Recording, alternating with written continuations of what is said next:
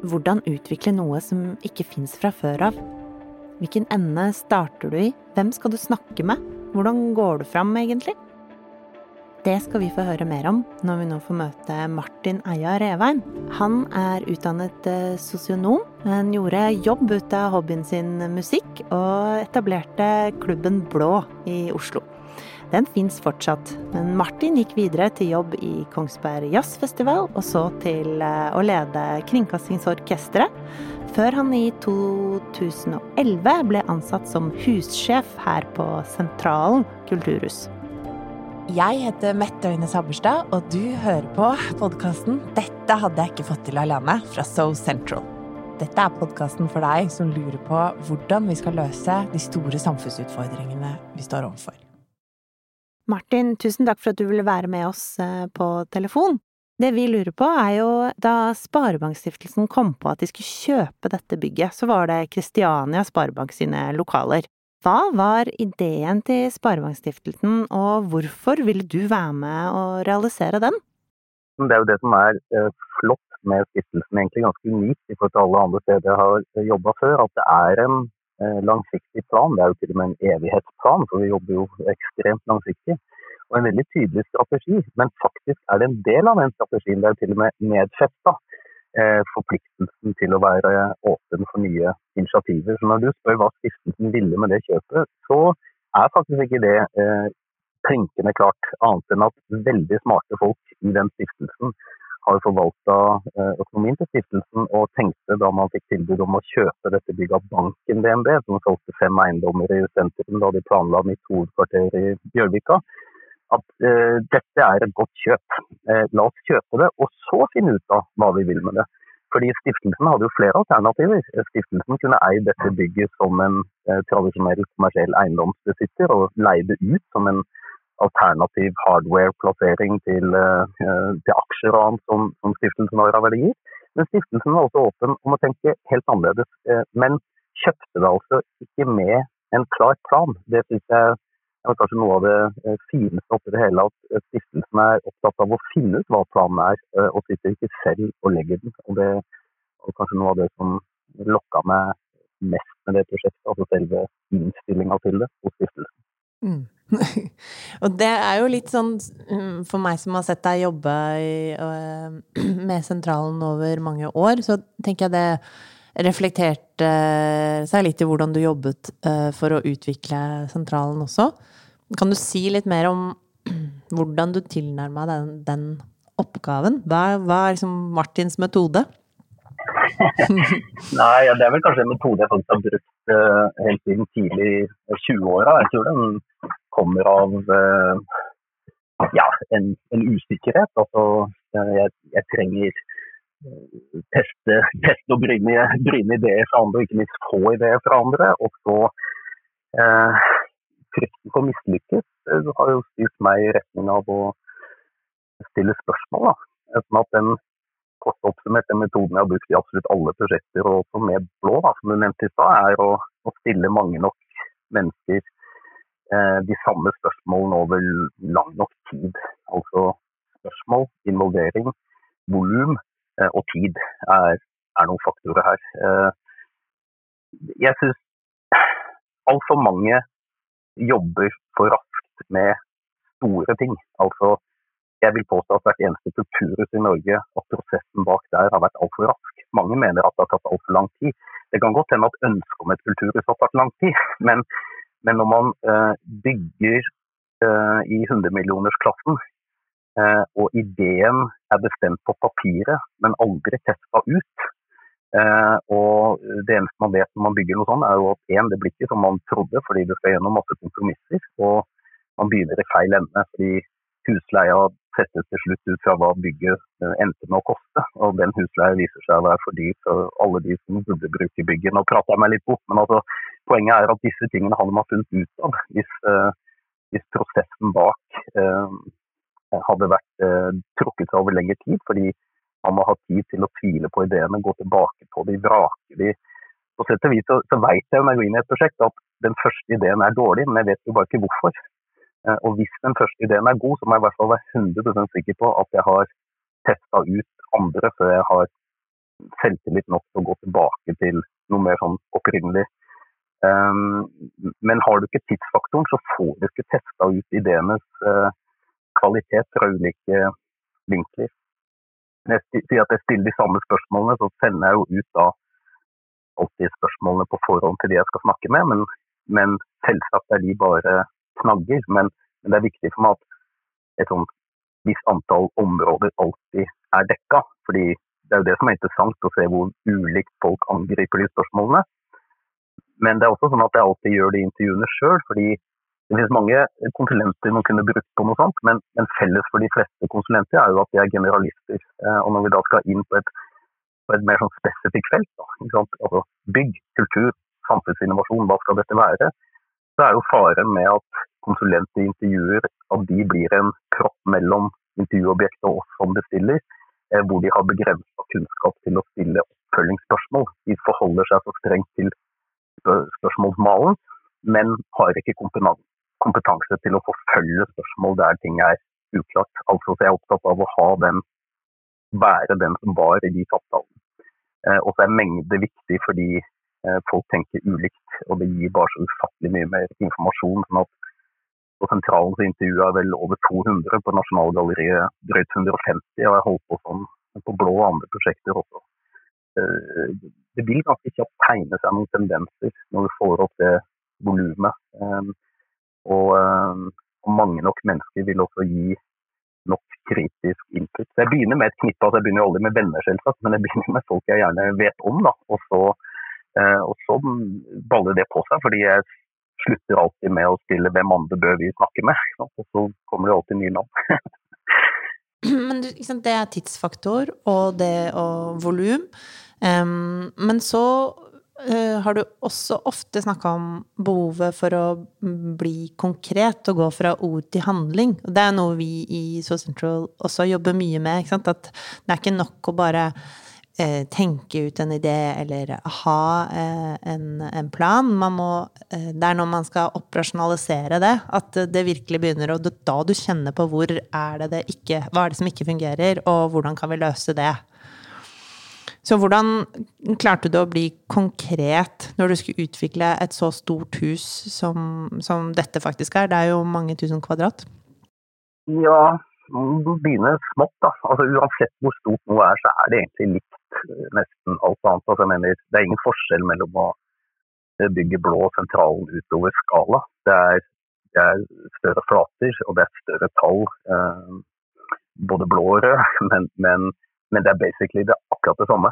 Eh, det skal henge sammen. Eh, det skal engasjere. Folk skal ønske å bli involvert. Sånn at det, der mener jeg at det er noen forskjell. Men jeg pleier å tulle med at jeg syns ikke det er mangel på visjoner. Jeg syns det er altfor for mye visjoner. Folk snakker så mye om visjoner. De snakker så mye om å være visjonære og innovative. og jeg, jeg er blitt så trøtt av det. altså De ordene er snart tappa for mening. Eh, fordi prosjekter er i visjonsfasen altfor lenge. Altså Folk sitter og bruker tid på å flikke på verdiparene i strategien sin, enda de vet at blant så mange tusen selskaper så har nesten alle åpen eller raus eller innovativ for den saks skyld som verdier. Men å begynne å faktisk teste ting konkret gjør de ikke. og det, det viser alt. altså jeg mener På et overordna nivå, på et visjonært nivå, så er vi jo enige om alt, de fleste av oss. da. Vi er, enige om at det er viktig med å gå bort fra fossilt brensel. Vi er enige om at vi, skal nå det klimamålet vårt. Vi er enige om at uh, krig ikke er bra og bla, bla, bla. Men det er jo først når vi diskuterer de helt konkrete handlingene at det blir politikk som gjør at folk skiller seg i partier, f.eks. Så, så det å uh, lage et testmiljø, det gjør jeg i alle prosjekter. altså hvordan skal dette funke i praksis? Uh, og da begynte jeg jo konkret før jeg det hele tatt hadde formulert en misjon. fordi uh, noen konkrete faktorer i sentralens tilfelle ville jo avgjøre om vi i det hele tatt kunne tatt tid til å snakke om visjoner. Altså, kan dette bygget i det hele tatt gå gjennom en transformasjon? Kan det bli noe annet? Det, det visste vi jo ikke. Du kan ikke sitte på seminar og holde på med visjoner uten å vite om du faktisk kan gjøre det. Da er det jo to faktorer. Det ene er jeg inviterte inn eh, byantikvaren lenge før hvis du har en prosess.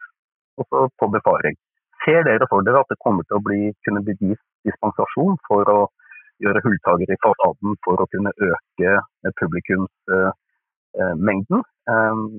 Hvis svaret hadde vært nei, da hadde Marmorsalen hatt makskapasitet på 100 personer. Det hadde aldri gått økonomisk. Da kunne vi bare lagt det dødt. Det neste jeg gjorde, var å invitere Oslo Crew, de som kjører traller. Det er også en annen ting at når folk gjør research, så snakker de med for mange direktører. Med all respekt for direktørene, de vet ofte minst om det spesifikke. Er de flinke, så vet de mye om det generelle. De er helt feil å snakke med. Eh, du må gå til de som faktisk utfører jobben. Bygger du sykehus, så må du ha med deg portørene f.eks. Og mange har bygd sykehus uten å gjøre det, utrolig nok.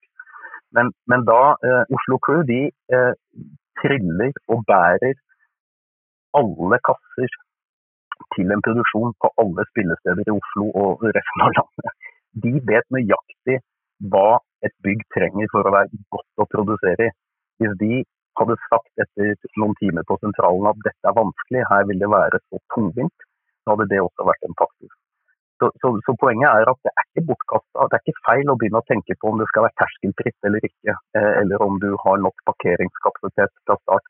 For det er noen som tenker visjonært så lenge at når de endelig begynner å teste konkret, så viser det seg jo ja, men herregud, det går jo ikke. Ja. Og så um, var Jeg husker i hvert fall at uh, styret og og de som jobbet med prosjektet da, var opptatt av at uh, sentralen skulle fylle et behov som ikke allerede var uh, fylt i byen. At ikke det skulle konkurrere um, med andre allerede etablerte enheter. Så da ble det jo på en måte kulturproduksjon som ble avgrensa til de organisasjonene som lager innhold som presenteres for et levende publikum. Og dette med sosial eh, eller samfunnsinnovasjon som kom opp som et, eh, som et, annet område. Da lurer jeg på hvordan eh, Gjennom alle de intervjuene dine, så var det, var det slik du kom i kontakt med So Central, eller hvordan kom du i kontakt med dem? Ja, jeg skal komme til det. Bare kommentere dette med, med hva det skulle bli. En ting er at det ikke eh, måtte være noe som er der fra før. Det handler jo om stiftelsens allmennyttige rolle, eh, hvor vi står i fare for å være konkurransevridende. Selv om vi tror vi gjør noe bra, så, så bommer vi helt fordi vi ikke er godt nok orientert. Så I det godes vilje så kunne vi jo endt opp med å lage noe som ligna på litteraturhus eller noe annet som finnes fra før. Men så kan vi også si at det å lage noe som ikke finnes fra før, er jo ikke et tegn på kvalitet i seg selv. Eh, at ting ikke finnes fra før, kan det være veldig gode grunner til. Eh, og, eh, og, og, det kan jo rett og slett hende fordi det ikke finnes fordi det er en veldig dårlig idé. Så du må jo ha med deg det også. Og I tillegg så må du ha med deg hva bygget kan passe til. Vi kunne lagd mye som ikke finnes fra før, men det må passe inn i bygget. Når vi definerte det til kulturproduksjon, forstått som aktører som lager et innhold til presentert et levende publikum, så er det ene hensynet at vi har et litteraturhus. Litteraturen er en, en sekundærkilde, altså det formidles gjennom en bok. Vi har et filmens hus, vi har et dramatikkens hus, vi har et dansens hus. Eh, altså hva står igjen? Men så hadde da heller ikke festivaler, ensembler og andre organisasjoner, selv om de er etablert, er de jo små. De er jo bare tre-fire ansatte selv, de som er etablert gjennom 30-40 års aktivitet de hadde ikke noe felles sted.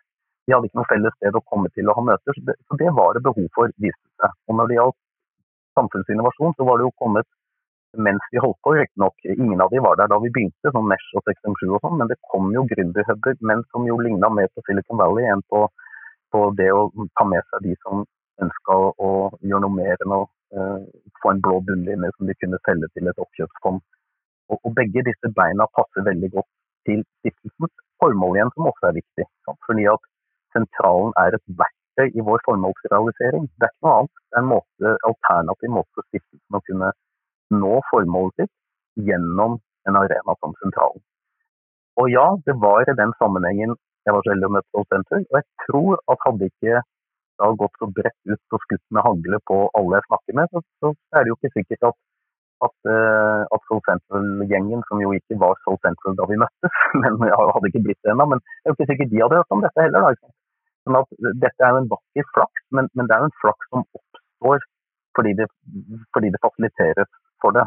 Med, det. det. skytes ut masse uh, impulser som kanskje kommer tilbake til meg.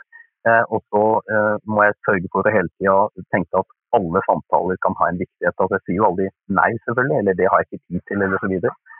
Når eh, Thomas, Katrine og Håkon, som da hadde møtt hverandre og jobba med helt andre ting, bl.a. i, i privat konsulentbransje, tok kontakt. Så var jo det kjempeheldig for prosjektet, for det var en veldig tidlig fase. Det var bare noen måneder etter jeg hadde begynt og var i gang med intervjuene. Mm. Og så kommer Soul Central i en uh, med en sånn type idé som jo var like eh, si, eh, fersk som det jeg holdt på med, men den var begynt å bli konkret, men allikevel masse som mangla. Men det var en intensjon, en veldig tydelig intensjon. Mm.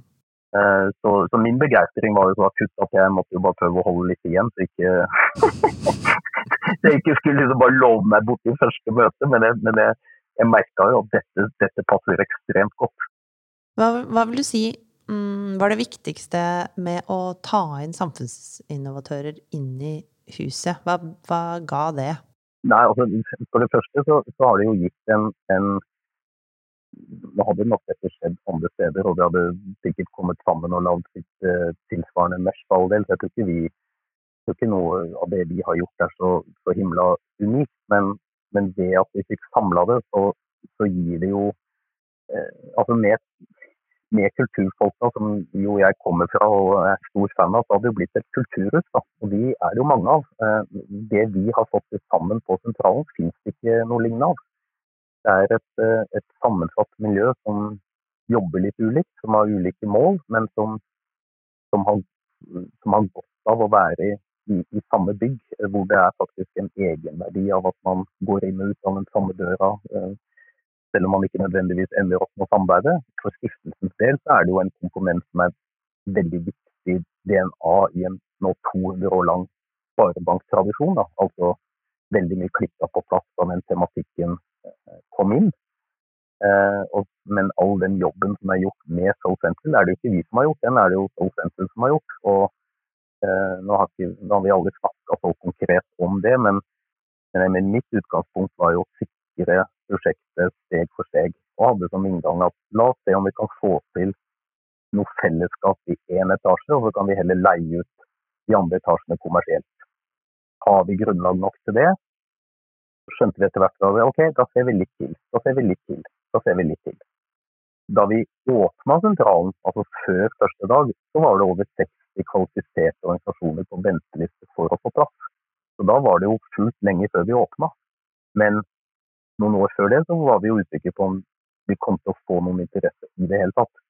Og jeg tror at Hvis du hadde nevnt det medlemsantallet som Soul Central har i dag for gründerne i 2012, så det hadde de ikke klart å forholde seg til, tror jeg, og det er bra. Altså jeg tenker at en kjempestyrke at man ikke har begynt med målet om 400 medlemmer, men man har begynt med målet om å se om det finnes én medlem som er interessert. Eh, og, det, den, eh, og, og, gjennom å jobbe sånn, så, så blir man automatisk rigga til å ta til seg flere medlemmer. Og du, du, du sikrer noen sånne basisfunksjoner før du går videre. Da. Så ser jo den enorme utviklingen av Soul Central. Det introduserer stadig nye elementer. Men det gjøres som en konsekvens av det som skjer, og de behovene som dukker opp. Eh, fordi eh, alternativet er dessverre det jeg ser mange steder, at, at det jobbes hypotetisk. At visjoner er jo en hypotese, det er et ønske. Og når du begynner å sette opp de ulike målene i et Excel-ark, så er det fortsatt bare fantasier. Noen ganger kvalifiserte fantasier, men tross alt bare hypoteser.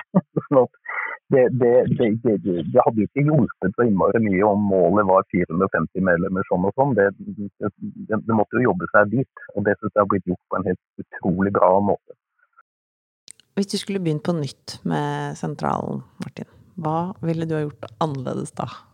Jeg hadde nok hatt selvtillit til å kanskje eh, kreve litt mer av de større aktørene.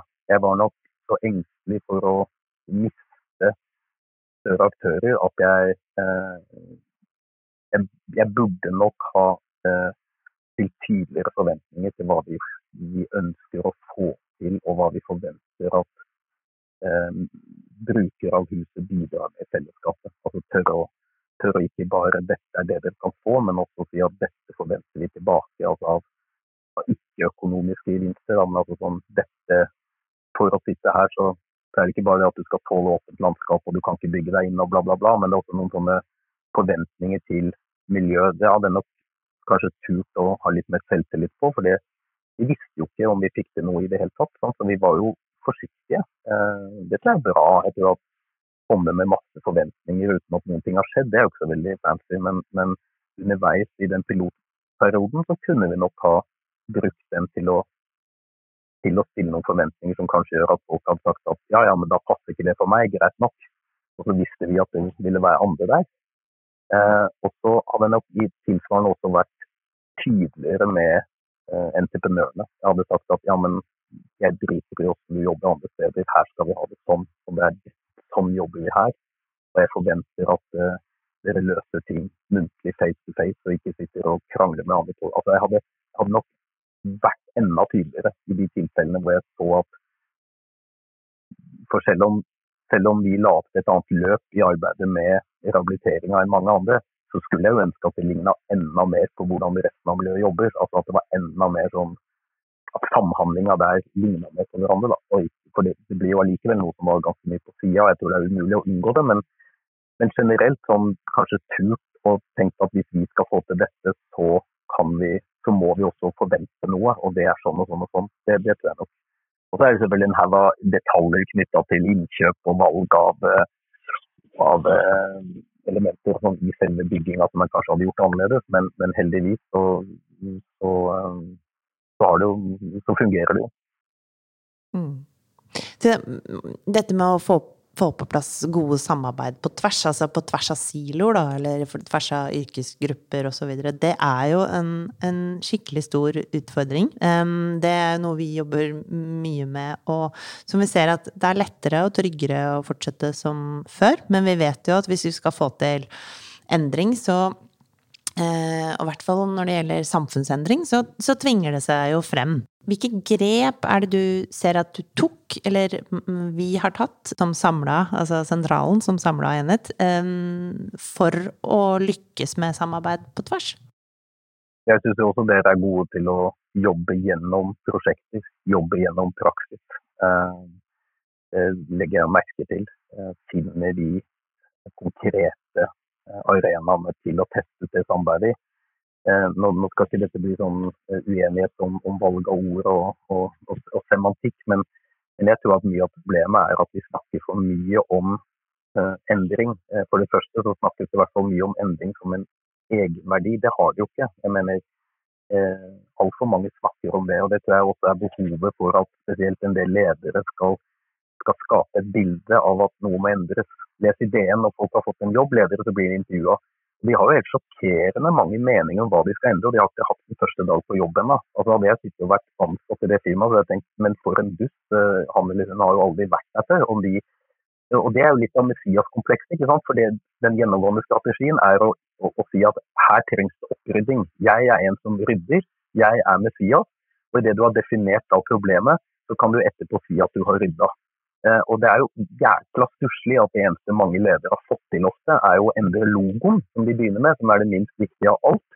Og de endrer fargen på sitt eget kontor. Mhm. Eh, så Poenget er at når du snakker om endring, så må vi også være klar over at for de aller fleste mennesker så er endring truende. Det er det for meg og for de fleste. Men i de fleste tilfeller så driver man ikke med endring, man driver med justering. Eh, og jeg er ikke Jeg syns alt dette tips om endringsledelse ditt og datt. Altså, hvorfor er Det så himla... Det er viktig å endre når noe ikke funker. Men det første jeg gjør i prosjektet, er egentlig bare å prøve å trygge med alt som ikke trenger endring. Ting funker, det er ikke hvis du gjør gjøre noe med det der. Mm.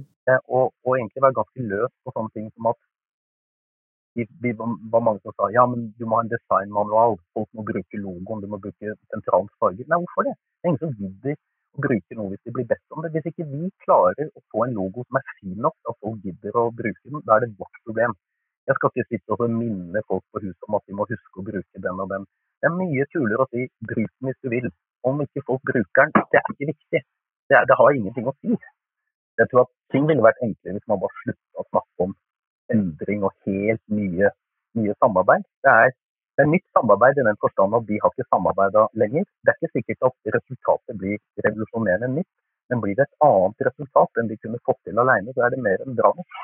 Jeg, tror bare vi må liksom dra med ordbruken litt og tenke at uh, disse tingene har en verdi i den forstand at det gjøres noe som ikke ville blitt gjort. Uh, og hvis det funker, så er det bra.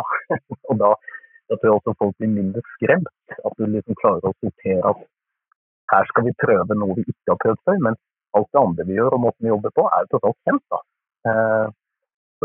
For de aller fleste går baklengs. Det er jo ofte ledere som blir veldig opptatt av det, dessverre også ofte fordi de eh, vet at et styre vil måle på det, og de får sånne profiler som sånne endringsledere eller folk som får ting gjort, eller rydde folk eller lignende. da. Martin, hva tenker du, hvis du skal, helt plutselig skal jeg få deg til å tenke enda større, hva tenker du er det neste for sentralen? Hva er samfunnet modent for nå?